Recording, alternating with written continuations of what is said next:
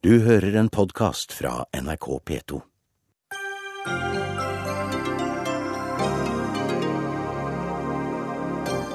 Sinte bønder med traktoraksjon i Oslo. Unødvendig. De ville fått mer ved forhandlingsbordet, sier landbruksministeren. Den rettsmedisinske kommisjon godkjenner rapporten som sier at Behring Breivik er tilregnelig. Det er problematisk at Anders Behring Breivik diagnostiseres for åpen mikrofon, mener Psykologforeningen. De vil gjøre diagnoser til et tabuområde, svarer psykiatriprofessor.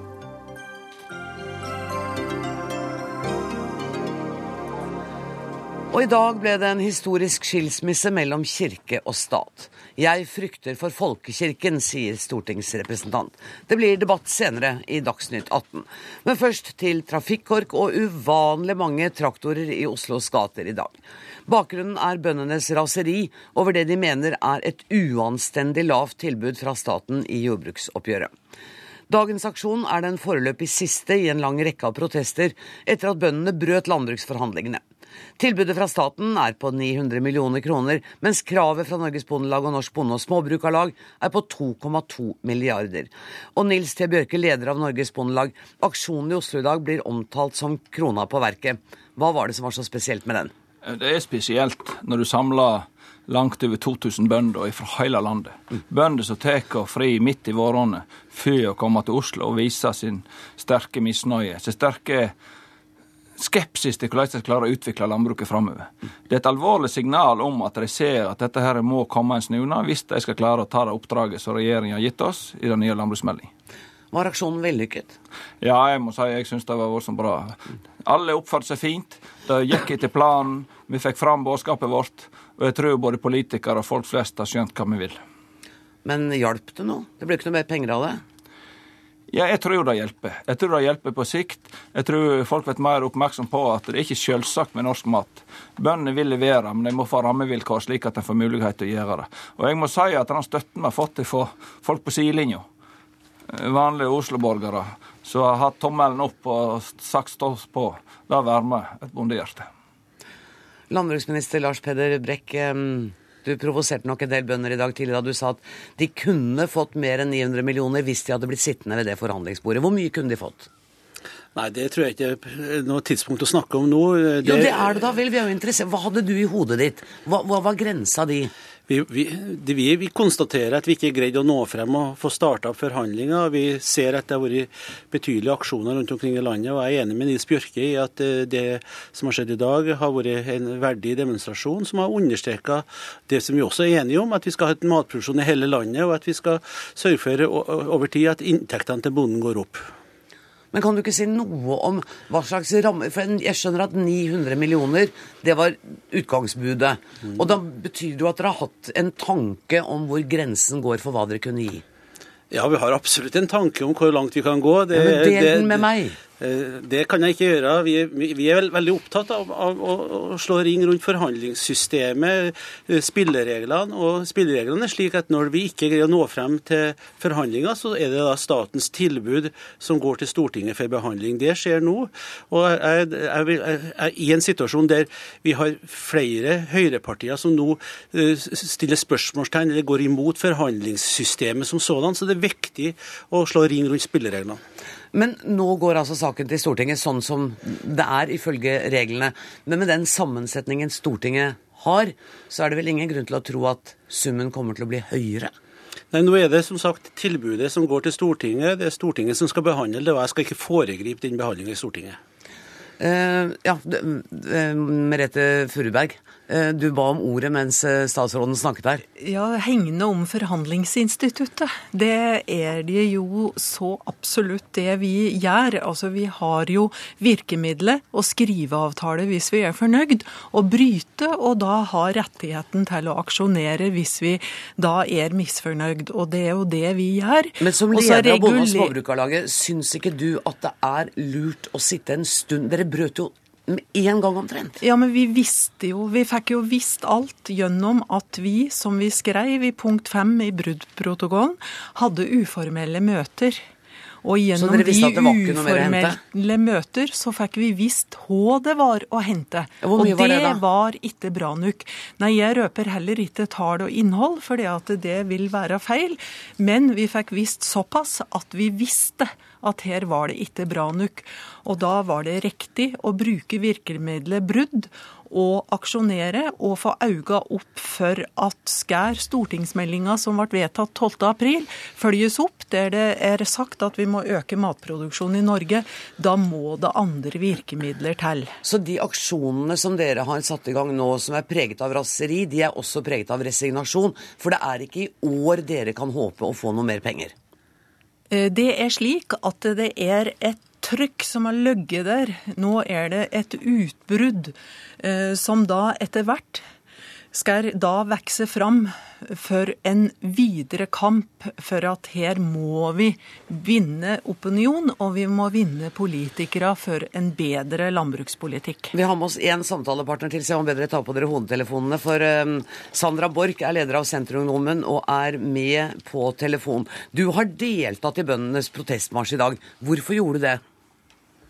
Ja, hele Senterungdommen har deltatt på aksjon fordi at vi støtter det budskapet som bøndene nå fronter. Hva har du lyst til å si til landbruksministeren, da? Eh, nei, jeg kan jo si at Senterungdommen har fått vært med på, på eh, de interne diskusjonene, og vi har sett hvor hardt Lars Peder har jobba, og Senterpartiet. Eh, dem vi ønsker å rette skyts mot, er jo Arbeiderpartiet, som vi syns er forferdelig arrogant. Og det ser vi også nå i dag, når de ikke stiller opp med egen statsråd på markeringa til bøndene. Jeg må bare få minne om at Senterpartiet da sitter i regjering med dette arrogante partiet, og har valgt å gjøre det. Ja, eh, det er jo der vi kan få mest eh, igjen for landbruket. Det tviler jeg ikke på. Eh, Men jeg mener at Arbeiderpartiet her nå må vise mer vilje til å la Senterpartiet få gjennomslag for en av sine viktigste saker. Er det der vi er ved kjernen av problemet, statsråd? At eh, du har kjempet bøndenes sak, og så har du ikke fått gjennomslag i det hele tatt fordi det er Arbeiderpartiet som dominerer den regjeringen? Nei, Vi er tre partier som legger frem et tilbud til, til jordbruket og forbereder jordbruksavtaleforhandlingene. Så det, det står vi helt og fullt sammen om. Samtidig er det også slik at enhver landbruksminister, enhver statsråd kjemper for sine saker i, i regjeringa og er avhengig av å få, få te- tilslag. Jeg mener at vi har hatt et, et utgangspunkt for forhandlinger som kunne forbedres betydelig gjennom, gjennom hvis vi har fått til forhandlinger. Nå har vi ikke fått til det, og da må vi jobbe videre i, i regjeringa og utenfor regjeringa for å sørge for at vi i framtida kan få en bedre situasjon, at vi sikrer denne matproduksjonen som vi er avhengig av i hele landet, og at bøndene får bedre betalt for den viktige jobben som gjøres. Det er, litt- og det er litt vanskelig for meg å være programleder i dette, for dere sitter og vet om noen summer og hvor man kunne gått hen, eh, som jeg ikke vet, og som du sier ville være et bra tilbud, og som Furuberg sier ikke vil være godt nok. Og da gir jeg rolig ordet til Bjørke.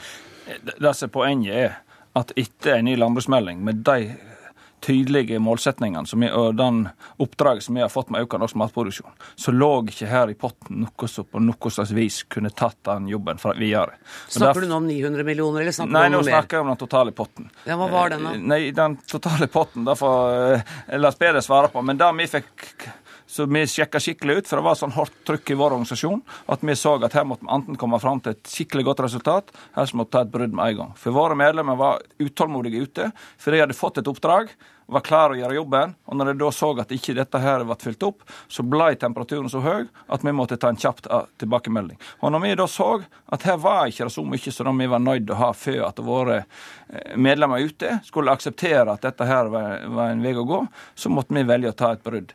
Men poenget er at uh, En kan snakke om tre partier i regjeringen, men det er regjeringen som står bak landbruksmeldingen. Det er de som har gitt marsjorden. Og da bør òg regjeringen samla komme med tilbud som gjør at en kan løfte norsk landbruk framover. Jeg snakka med ordførere fra Arbeiderpartiet og tillitsvalgte fra Arbeiderpartiet ute i distriktet. De, de er opptatt av landbruk, de står fram, og det er flott. Men altså når de òg i Stortinget vedtar en sånn landbruksmelding, så må de sitte før at de følger opp. Og det er Stortinget som må komme med føringer nå i forhold til framtidig landbrukspolitikk, hvordan vi som bønder kan oppnå det de ber oss om. Men har, har dere, jeg kan spørre deg, Merete Furubøk, som er leder av Bonde- og småbruklaget. har, du- har du noen forhåpninger om at Stortinget kommer til å endre eh, denne summen på 900 millioner noe vesentlig? Hvis de endrer det uvesentlig, så hjelper det ingentingen. Den viktigste appellen til Stortinget landets høyeste organ må ta den generaldebatten med hvordan vi skal klare å få til å øke matproduksjonen i Norge, som vi er nødt til. Men det vi er altså de tre regjeringspartiene som har flertall i Stortinget nå? Det har de, men de må jo se den støtten vi har i folket nå, den reaksjonen som har vært. Og det må skje at landets høyeste organ nå tar de grep som ikke ble gjort da i behandlingen av stortingsmeldinga. Det var vedtatt store, flotte mål. Ambisjonen er det ingen, ingenting å si på, men det er virkemidler. Og det, de føringer, de vedtak, må Stortinget fatte. Statsråd, eh, har du noe tro på at Stortinget kommer til å forandre summen vesentlig og gjøre den høyere? Nei, Jeg overlater det til Stortinget å avgjøre. Men jeg har lyst til å kommentere det med landbruks- og matmeldinga og de målsettingene. Jeg er kjempeglad for at vi har de samme målsettingene, at de klare ambisjonene som er nedfelt der, skal, skal nås. Både med matproduksjon, økt matproduksjon i hele landet, og det med inntekt. Det vi ser nå, er jo da en diskusjon om hvor fort det skal gå. Og Det er en ærlig sak at vi er uenige om det. Jeg oppfatter det at her har man større krav enn det vi fra regjeringa i år har greid å levere. Det må vi ta til etterretning.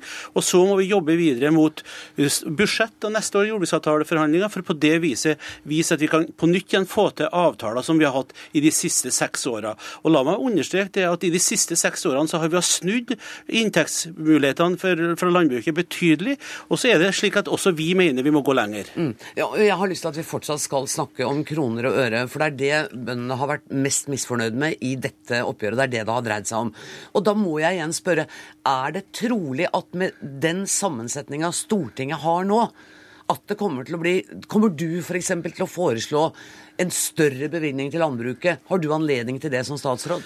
Nei, Jeg har tidligere sagt at vi sender over landbruket eller statens tilbud eh, som, no, som nytt forslag til jordbruksavtale. Ja. Det er i henhold til all sedvane, det er i henhold til det, regelverket, og det er det beste måten å sikre at spillereglene følges for framtida. Ja. Så det betyr at det er først ved neste oppgjør dere har muligheten til å få noe mer penger? Aller først i forhold til spilleregler. Jeg sier til alle alle må lese hovedavtalen. Det er ingenting nedfelt i hovedavtalen som nekter regjeringa å skulle komme med et annet tilbud. Det er heller ingenting i hovedavtalen som nekter Stortinget å gjøre endringer. Men det viktigste nå det er at det blir tatt den store generaldebatten for hvordan vi skal klare å øke norsk matproduksjon. Og når det er snakk om hastighet, her brenner det i Bygde-Norge. Vi har rekrutteringssvikt. Stadig stadig flere bønder gir seg. Arealproduktiviteten går ned. Det er så viktig at det skjer nå. Mm. Og derfor har vi denne debatten. Vi er nødt til å, Jeg skal gi statsrådens historie. Ja, men I kravdokumentet som jordbruket kom med, så står det veldig klart at vi har levert en betydelig økning på inntektsmulighetene de siste seks årene. 120 000 per årsverk, som er, må tilbake til 70-tallet for å sammenligne. Det er altså budsjettnemndas tall. Vi har levert så langt. Vi greide dessverre ikke å komme i gang med forhandlinger i år. Min ambisjon er klinkende klar. Det er å arbeide videre for å sikre framtidas inntekter for bonden, og sikre at vi har en økt matproduksjon i hele landet. Den, det målet skal vi nå. Det høres i hvert fall ut som dere har noe å snakke om videre. Tusen takk for at dere kom, eh, statsråd eh, Brekk og eh, Nils Bjørke fra Bondelaget, Merete Furuberg fra Bonde- og Småbrukarlaget og Sandra Borch som var med oss på telefon, og som representerer Senterungdommen.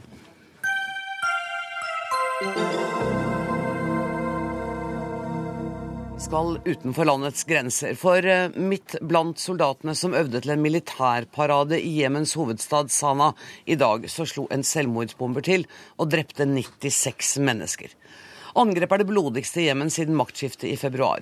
Og det skjer bare ti dager etter at regjeringsstyrker innledet en storoffensiv mot Al Qaida sør i landet. Inger-Marit Kolstadbråten, du er utenriksmedarbeider og følger eh, utviklingen i Jemen.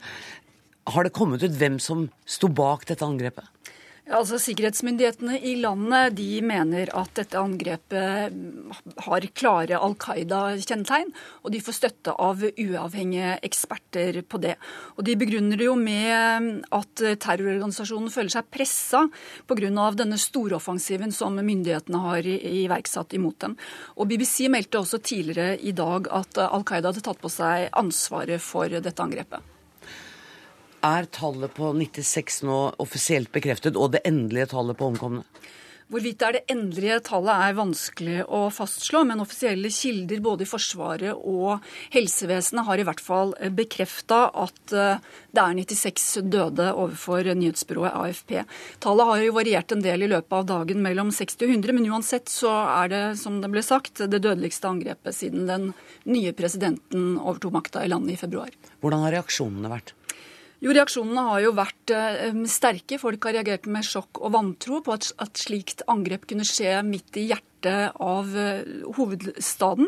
Og I tillegg til de 96 drepte, så er også minst 200 mennesker skadd.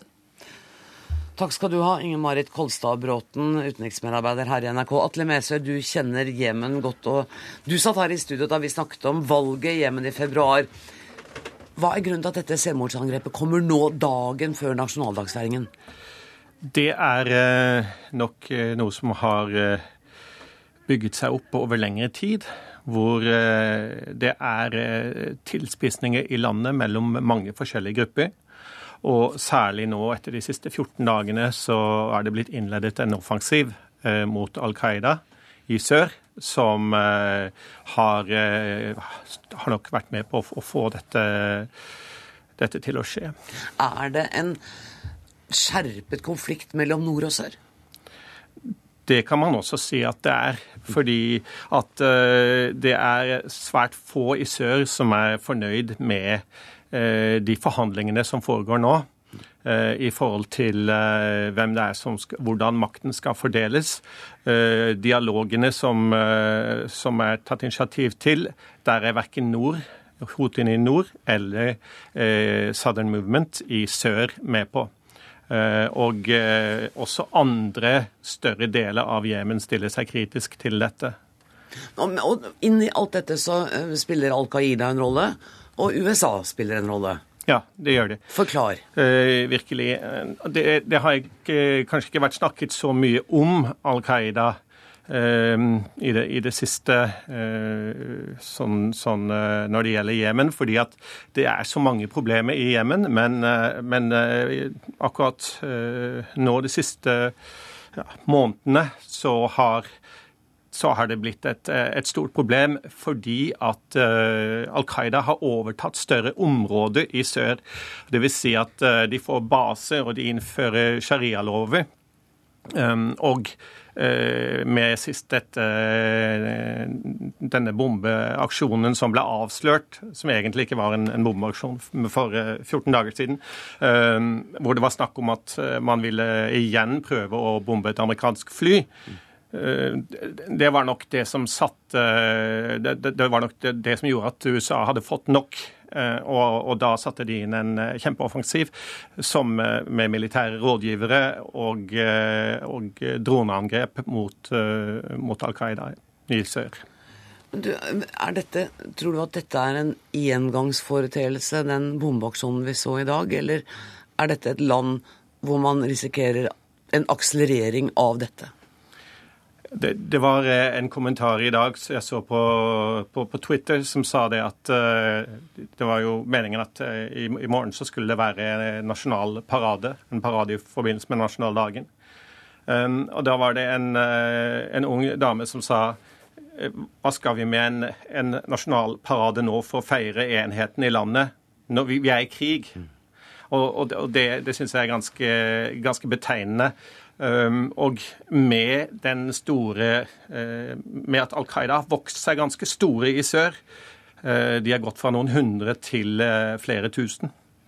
Og sammenkoblingen da med Al Qaida i Somalia, så blir det en, en, sterk maktfaktor, rett og slett. Og de bruker de verste midlene som vi vet fra Irak.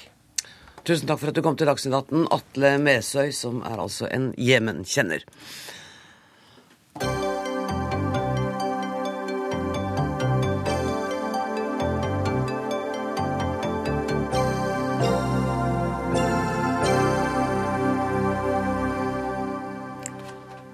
Fra og med i dag har Norge ikke lenger en offisiell statsreligion.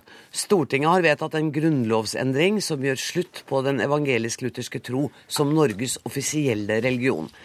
Det betyr at Den norske kirke nå skal sidestilles med andre trossamfunn. Jens Petter Johnsen, du er direktør i Kirkerådet. Hva betyr dette for vanlige kirkegjengere? Ja, først og fremst så betyr det at staten endrer seg, eh, slik at staten ikke holder seg med ett kirkesamfunn. Eh, dernest for Kirken så betyr det at Kirken blir mer selvstendig enn hva den har vært før. Eh, og det er vi, ser vi frem til. Men altså, engasjementet for Kirken har jo ikke vært veldig stort. Ved det siste kirkevalget så stemte altså under 14% Engasjementet i Kirken måles jo på mange måter. Måles, ett av dem er dette. Ett av dem er dette. Det er tre-fire ganger hva det var før. Eh, og det er en god start på en god utvikling av eh, en videre demokratisering av Kirken. Vi har hørt i dag at flere er bekymret for at denne grunnlovsendringen bidrar til å avkristne Norge. Hva er din reaksjon til det? Nei, Vår reaksjon er at eh, den grunnlovsendringen som nå er kommet, med at man ikke lenger holder seg med et kirkesamfunn, men uh, setter en verdiparagraf i basis for Grunnloven, som fokuserer på de kristne og humanistiske verdiene, det er, tror vi, en styrke, og kanskje faktisk til bedre enn hva det har vært nå.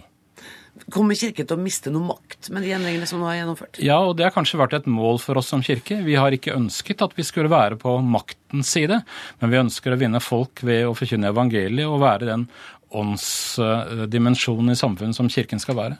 Men likevel så skal eh, jeg holdt på å si den økonomiske makten opprettholdes ved at det er staten fortsatt som lønner prestene. Staten ønsker å lønne prestene. Eh, ønsker dere ikke at det skal være sånn? Jo, vi ønsker at det skal være sånn. For de skal jo være en folkekirke som når ut til hvert nes og hver bygd. Så er vi helt avhengig av en finansiering over offentlige budsjetter. I andre samfunn, andre land, så vil det være medlemskontingent. I Norge så ønsker man at det skal finansieres over budsjettene. Mm. Men er det sånn at vi fortsatt, hvis vi ikke har aktivt meldt oss ut, er vi fortsatt medlem av Kirken? Ja, vi er, som bor i dette landet? Det er godt at du spør om det, fordi det er en problemstilling som nå kommer opp. Dere som er medlemmer, dere vil fortsatt være medlemmer. Kirken lokalt vil fortsatt se ut og oppføre seg omtrent som den har gjort før. Det vil ikke være store endringer man merker i det daglige liv. Stortingsrepresentant for Senterpartiet Kristina Ramsøy, du bestemte nei til eh, forliket i dag. Hvorfor det? Fordi at jeg mener at dette er det første skrittet i avviklinga av statskirka. Og det er en retning som jeg ikke kan stå inne for. Jeg frykter at uh, det her vedtaket som Stortinget har gjort i dag, på sikt vil føre til en mindre åpen og inkluderende kirke. Jeg er opptatt av at vi skal ha en kirke der alle sammen kan føle seg hjemme, uansett om man har et veldig tett forhold til kirka i hverdag eller om man ikke har det.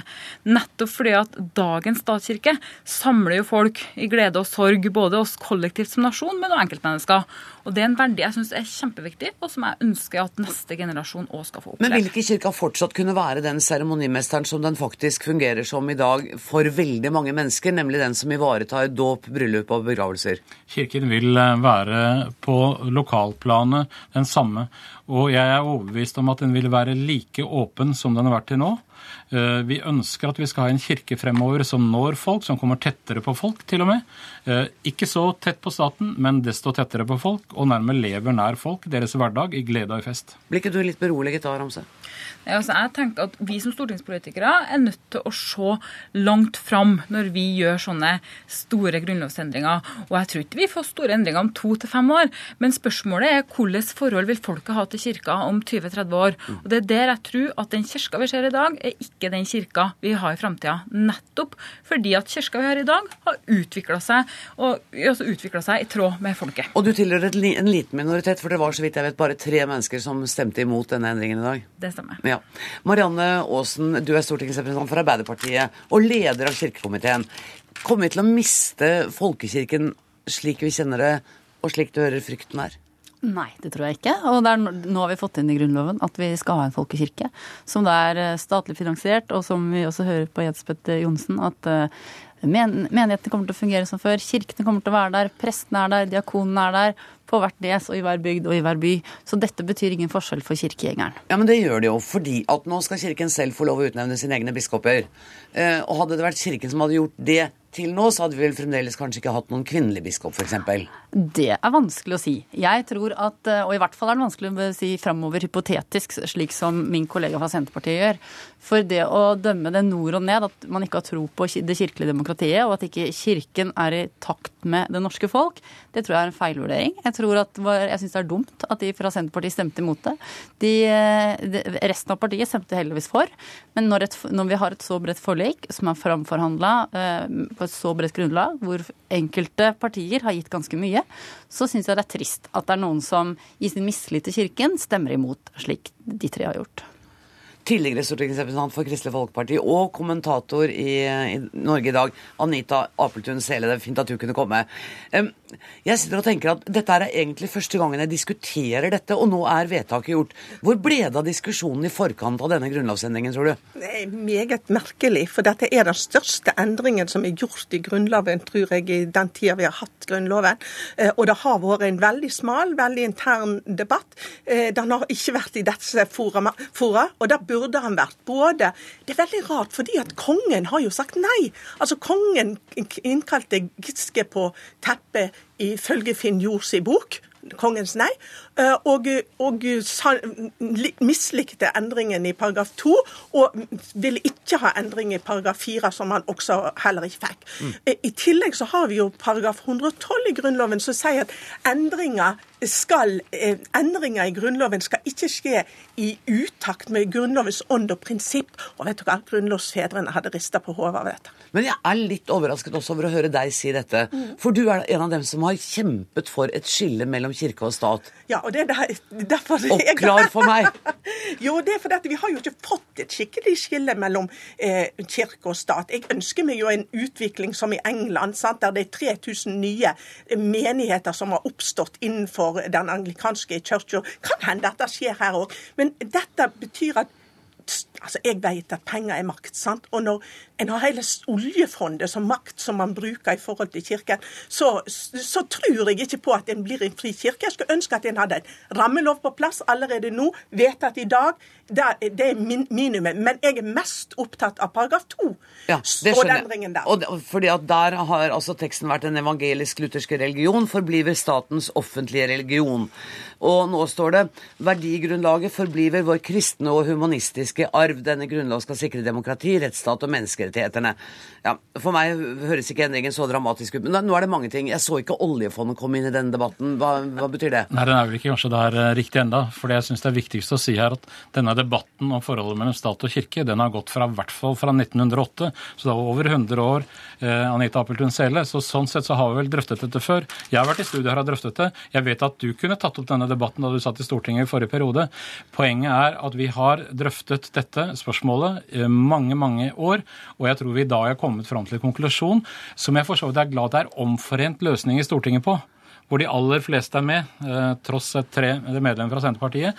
For dermed så har vi en god plattform til å bygge videre, eh, bygge en mer fristilt kirke videre.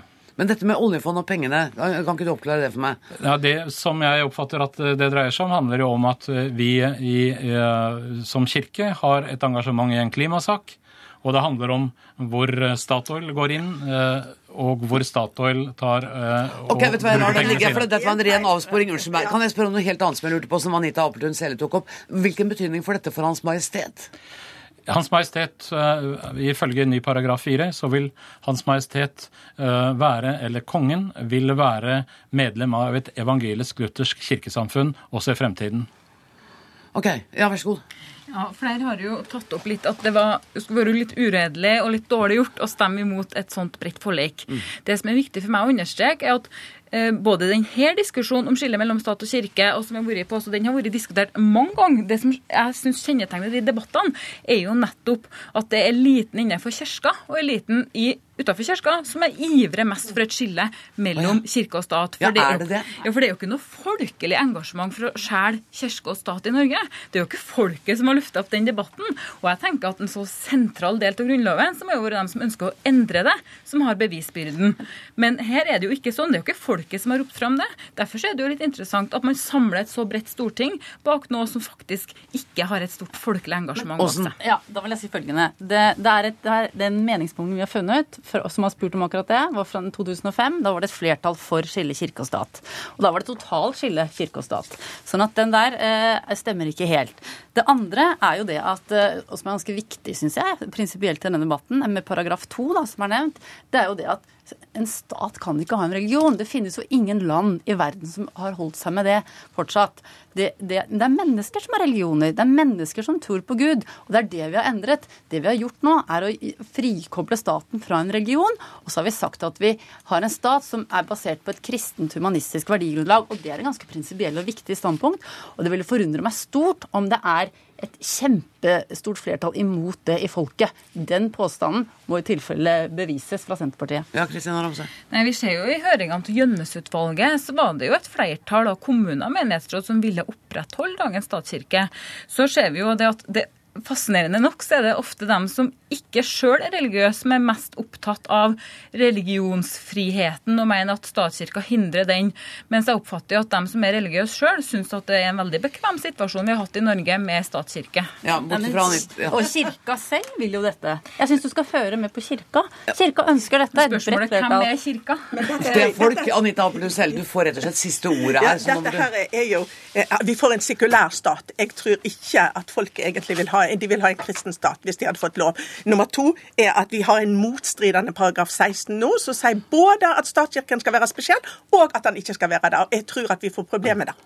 Ok, det, det, ble rett og slett uh, siste ord. Jeg er ikke helt sikker på hva paragraf 16 sier, men uh, det er i orden. Tusen takk for at dere kom. Uh, Anita Appeltun Sele, Kristina Ramsøy, Jens Petter Johnsen og Marianne Aasen.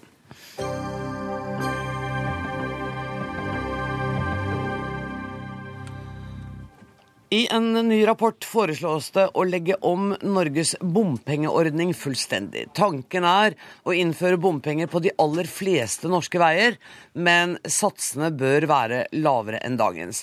Tor Homløy, du er konsulent i Vista Analyse og har vært med på å utarbeide denne rapporten. Og jeg er klar over at denne rapporten inneholder mange flere elementer enn spørsmålet om bomveier, men det er nå det vi skal diskutere her.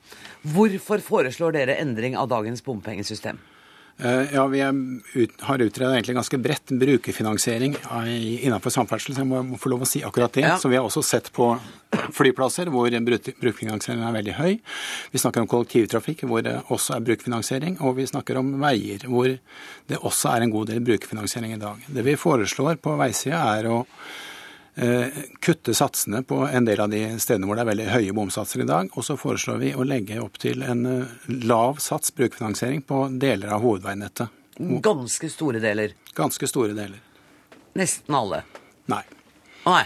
Eh, for det er også sånn at dette har et kostnadsspørsmål, hvor det koster en god del å etablere antennepunkter.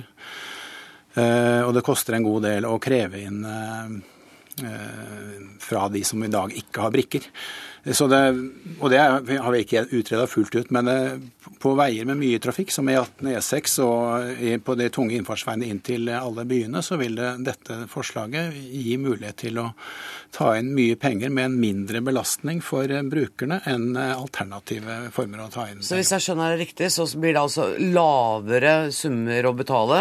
Dere vil ikke ha høye bompengeavgifter. Um, og når dere trekker fra utgiftene til å etablere flere bomstasjoner, så vil allikevel staten få økte inntekter? I hvor stor, hvilket omfang snakker vi? Ja, Vi har regna veldig grovt på det og sagt at det er mulig å hente inn 10-30 milliarder ekstra i året. Eh, jeg må be dere også ta på dere hodetelefonene, for vi skal ha med oss Lars Erik Bartnes, som er statssekretær i Samferdselsdepartementet. Det er snakk om milliarder her. Jeg ville jo trodd at eh, Samferdselsdepartementet ville jublet over den eh, ideen, men det gjør dere ikke, Bartnes?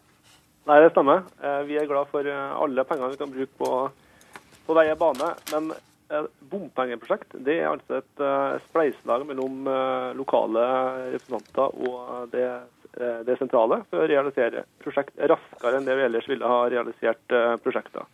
Eh, pengene skal være knytta opp til bestemte prosjekt. Det som foreslås i denne rapporten, det er jo mer generell veiprising. Altså at det koster å kjøre på veiene uansett hvor du, hvor du kjører. Det har vi bestandig vært imot, og vil òg være imot uh, framover. Men når det er sagt, så må jeg si at uh, den rapporten inneholder jo vesentlig flere forslag eh, enn bare eh, den endringa av, eh, av bompengene. Jeg er fullstendig klar over det, og vi var nødt til av tidsmessige grunner å ta for oss en, et problemområde i dag. Dette med bompenger det er jo ikke helt ukjent i andre land hvor vi har vært ute og kjørt bil, mange av oss. Så hvorfor er dere ikke villige til å tenke litt nytt om bompenger?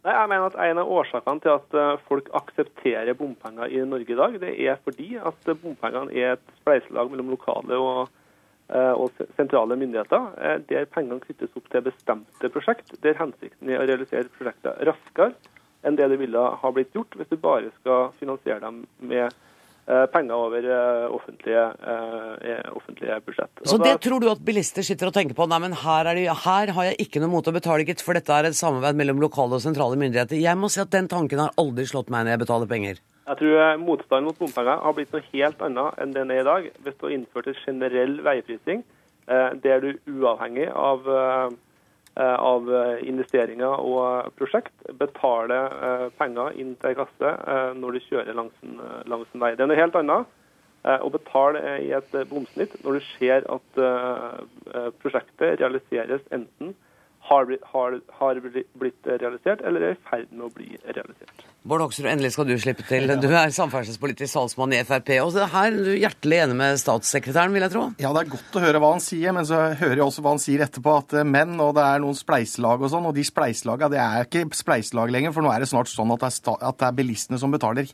hele regninga. Og, og denne regjeringa har nå sittet i tre år og innført 20 nye bompengeprosjekter.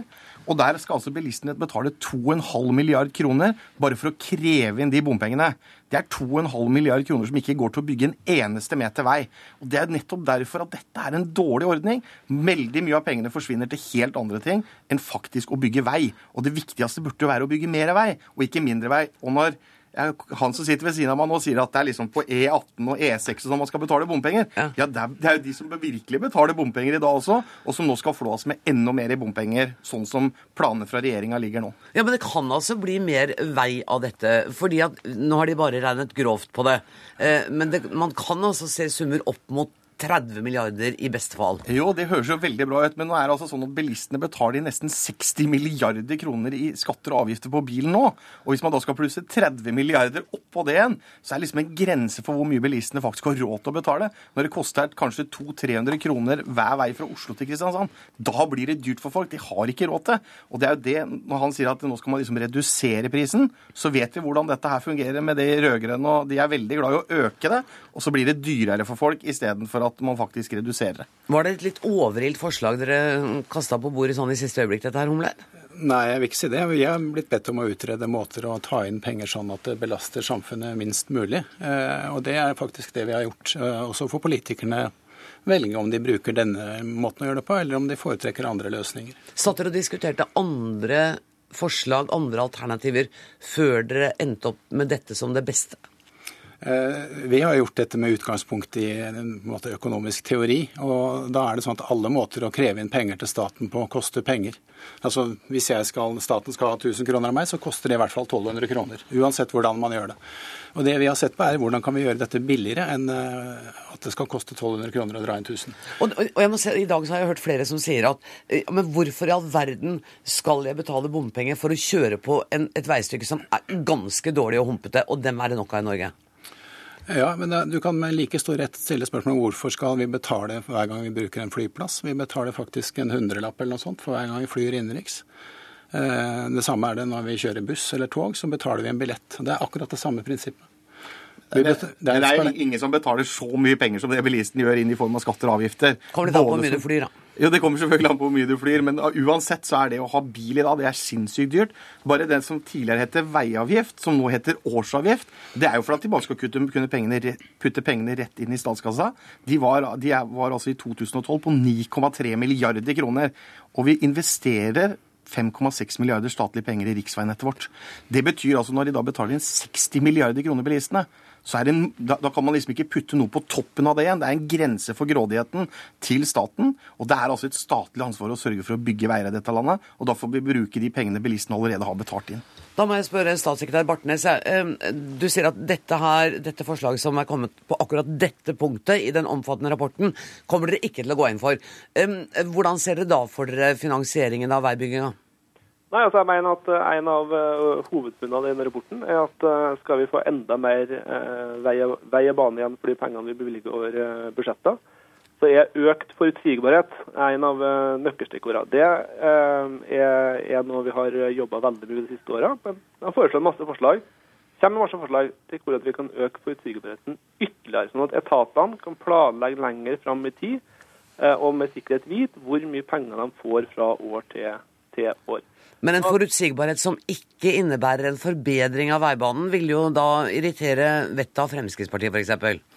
Altså, Økt forutsigbarhet betyr at du får mer igjen for, eh, for eh, hver krone. Det betyr vei, bedre veier og bedre eh, jernbane til det beste for, eh, for bilistene. Så, eh, så det er helt klart noe vi, eh, vi har jobba med det. De kommer med konkrete forslag til, til hvordan vi kan bli enda bedre på det framover. Men det handler om hvordan man, får, hvordan man får mest mulig ut av de pengene man bruker. Det som er det forslaget her, at man skal ta enda mer penger av bilistene. Og, og jeg er enig, det finnes mange gode løsninger. Vi kan f.eks. OPS eh, utbygge vei, veinettet vårt og bygge ut større eh, prosjekter av gangen. Det ville sørge for at vi fikk mer igjen for pengene vi bruker. Men det er jo hele problemet med dette bompengegreiene også, at det er utrolig dyr måte å kreve inn penger på. Det du finnes sagt. andre mye bedre løsninger. Vi er nødt til å sette strek, og statssekretæren og Hoksrud var altså enige om at flere bompengestasjoner blir det ikke. Tusen takk for at dere kom, Tor Humlein, Bård Hoksrud og Lars Erik Bartnes.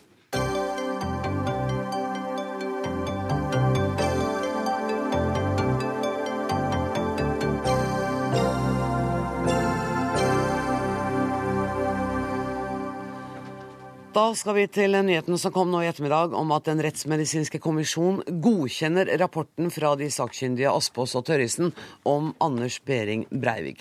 Knut Magnus Berge, kommisjonen er en kvalitetssikrende instans. Og dette dreier seg altså om rapport nummer to. Hva er det kommisjonen nå har godkjent? Ja, si det. De har i alle fall tatt til etterretning den tilleggsrapporten de sjøl ba om. Eh, Og så har de godtatt denne eh, rapporten. Det betyr at en nå er kommet i den situasjonen som en har sett lenge eh, sannsynligvis ville oppstå. At retten altså står med to ulike konklusjoner fra to ulike grupper av psykiatere på spørsmålet om hvorvidt Anders Behring Breivik er tilregnelig eller ikke. Og det det betyr, er at retten må ta stilling til dette til sjuende og sist. Ja, Hvilken situasjon er vi i da, da?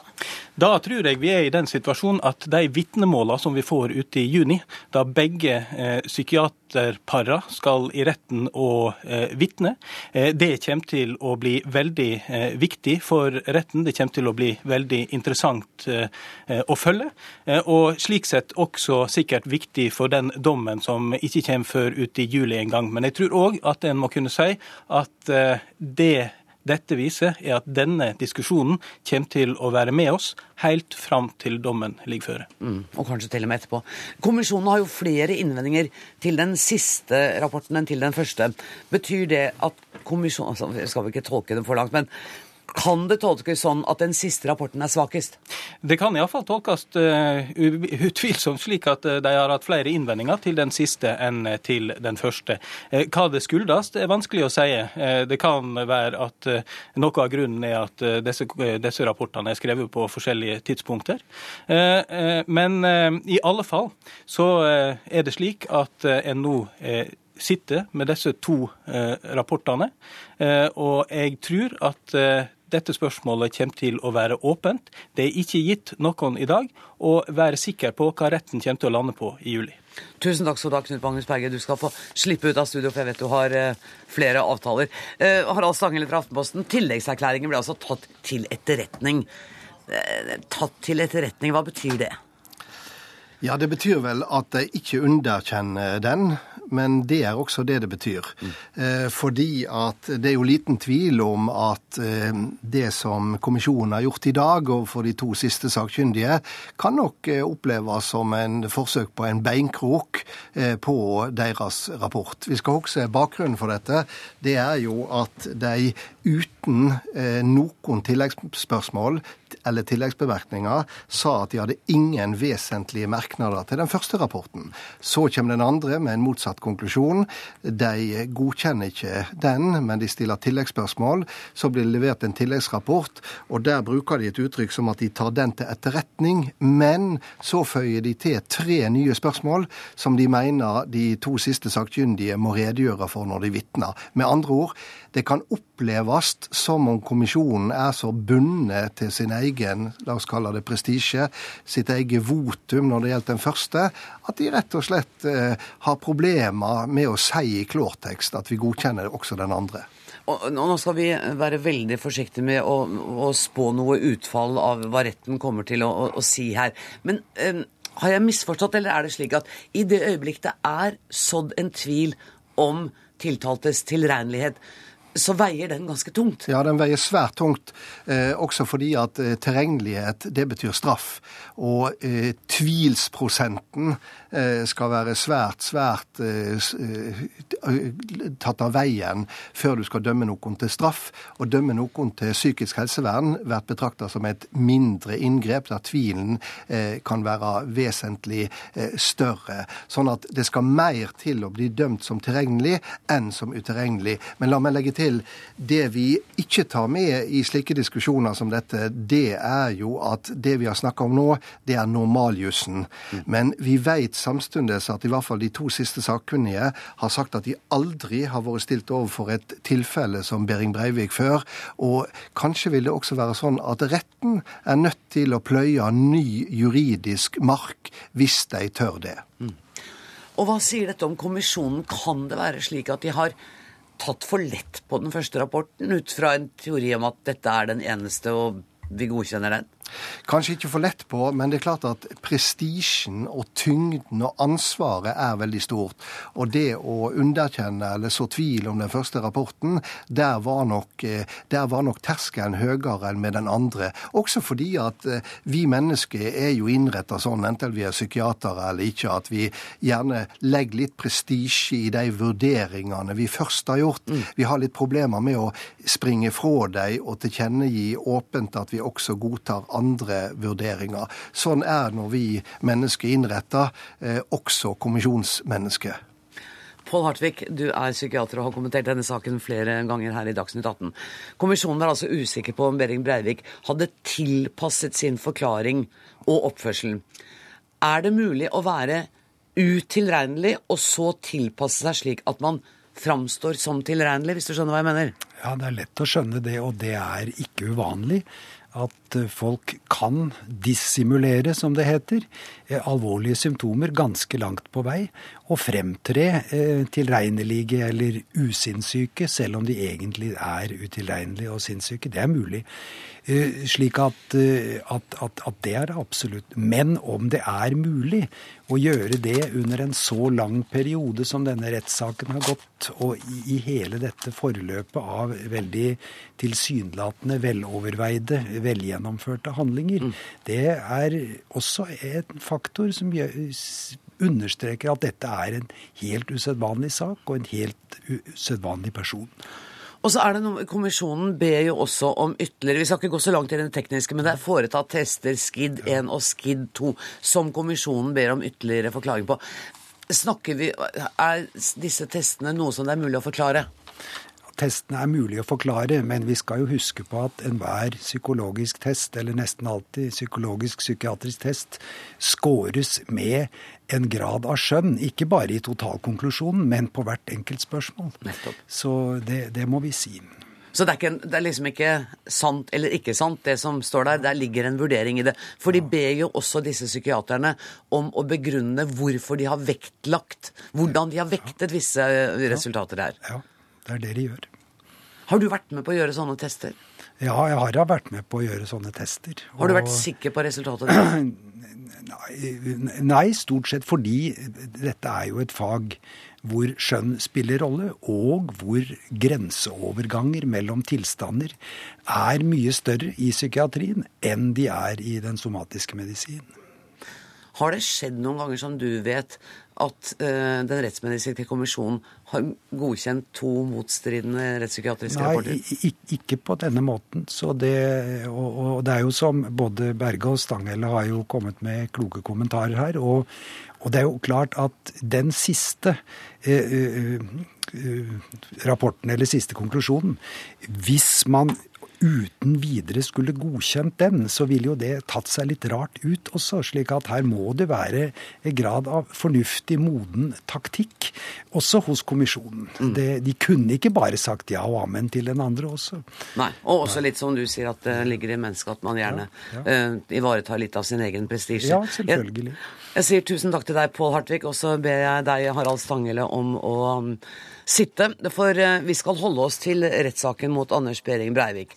For mens saken ruller videre i Oslo tingrett, så fortsetter også debatten rundt hans diagnose, også utenfor rettssalen.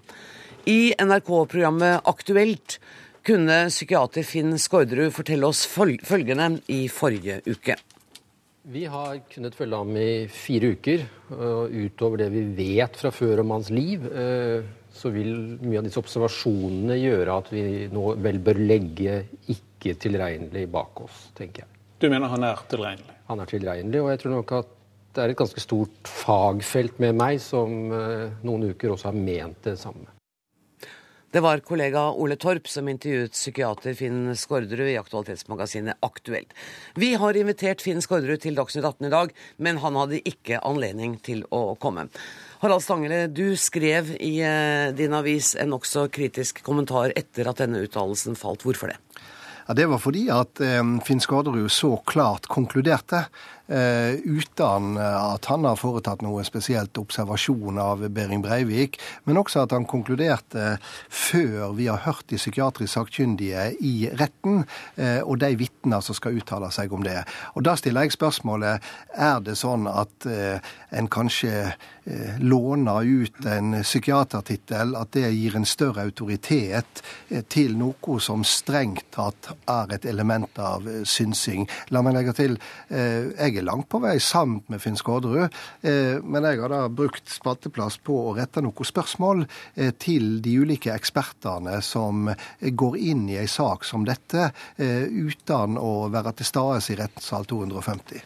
Tor Levin Hofgaard, du er president i Norsk psykologforening og er enig med Harald Stanghelle, så vidt jeg har skjønt, etter å ha lest Aftenposten i dag?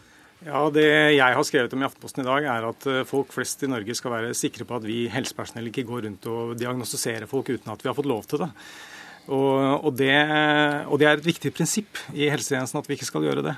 Og, og det jeg har påpekt, er at de som nå diagnostiserer eh, uten å ha måtte, fått mandat eller fått lov til å diagnostisere Breivik, de gjør det. Eh, de bryter med et viktig prinsipp i helsetjenesten om at vi skal eh, få mandat og få lov til å gjøre det, og vi skal ikke gjøre det hvis vi ikke har det. Sigmund Karterud, du er eh, professor i psykiatri og er helt tydelig uenig med disse to. Ja.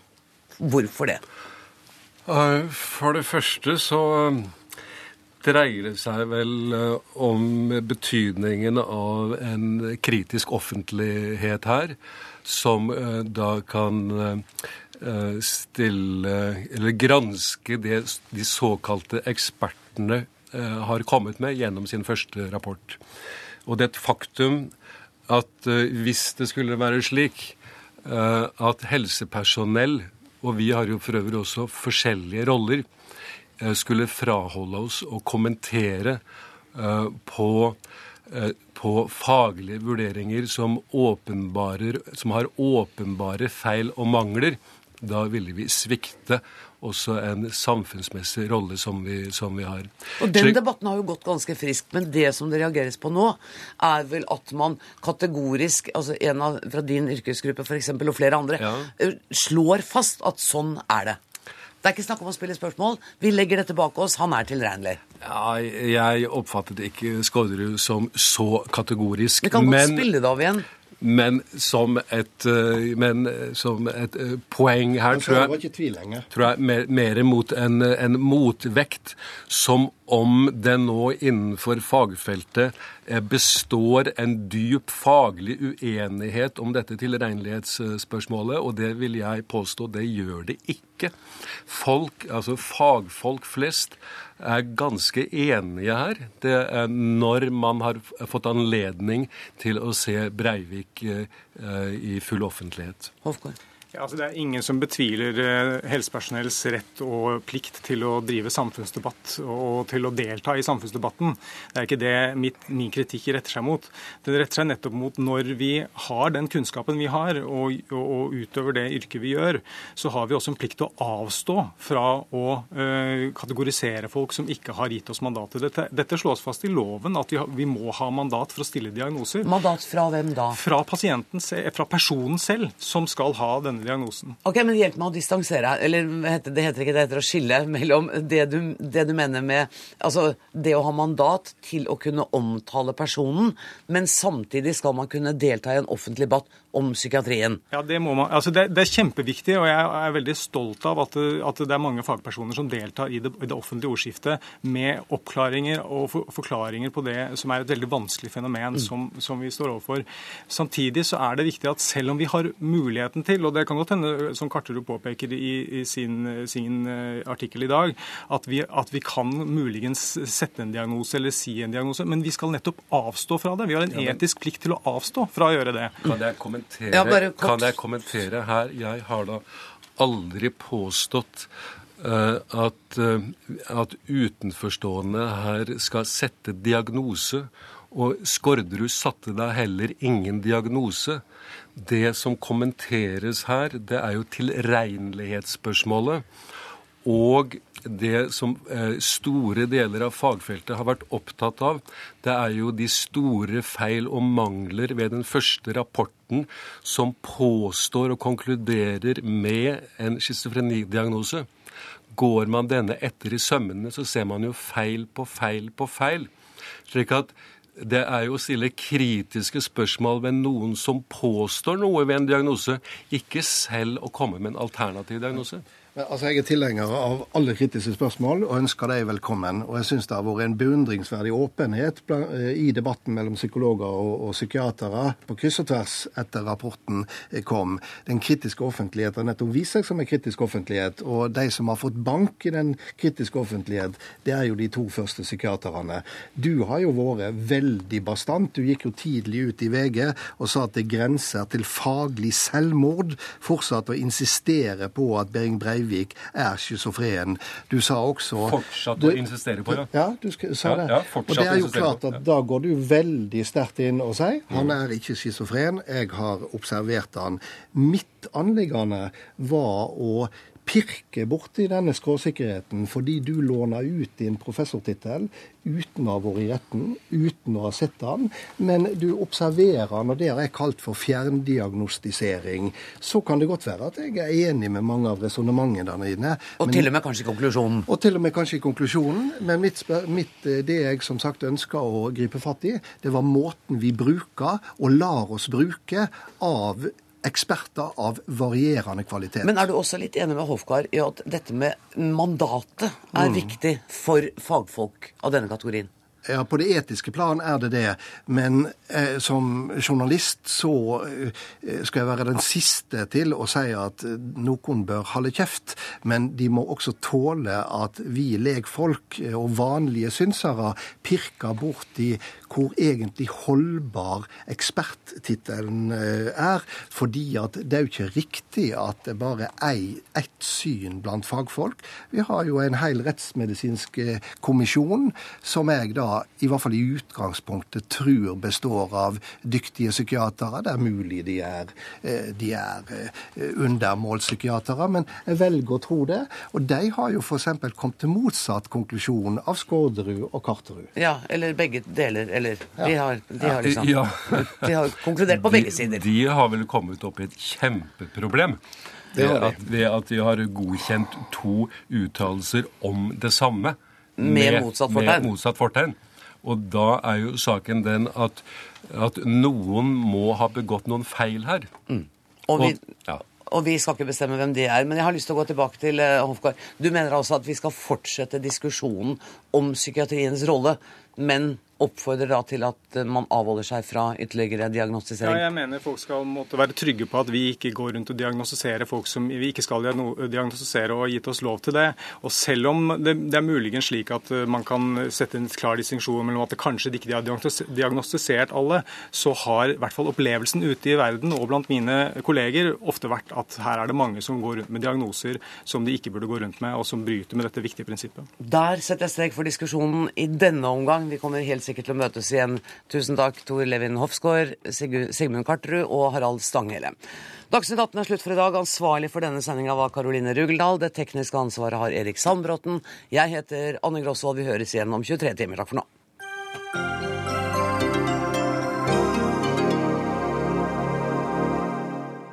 Du har hørt en podkast fra NRK P2.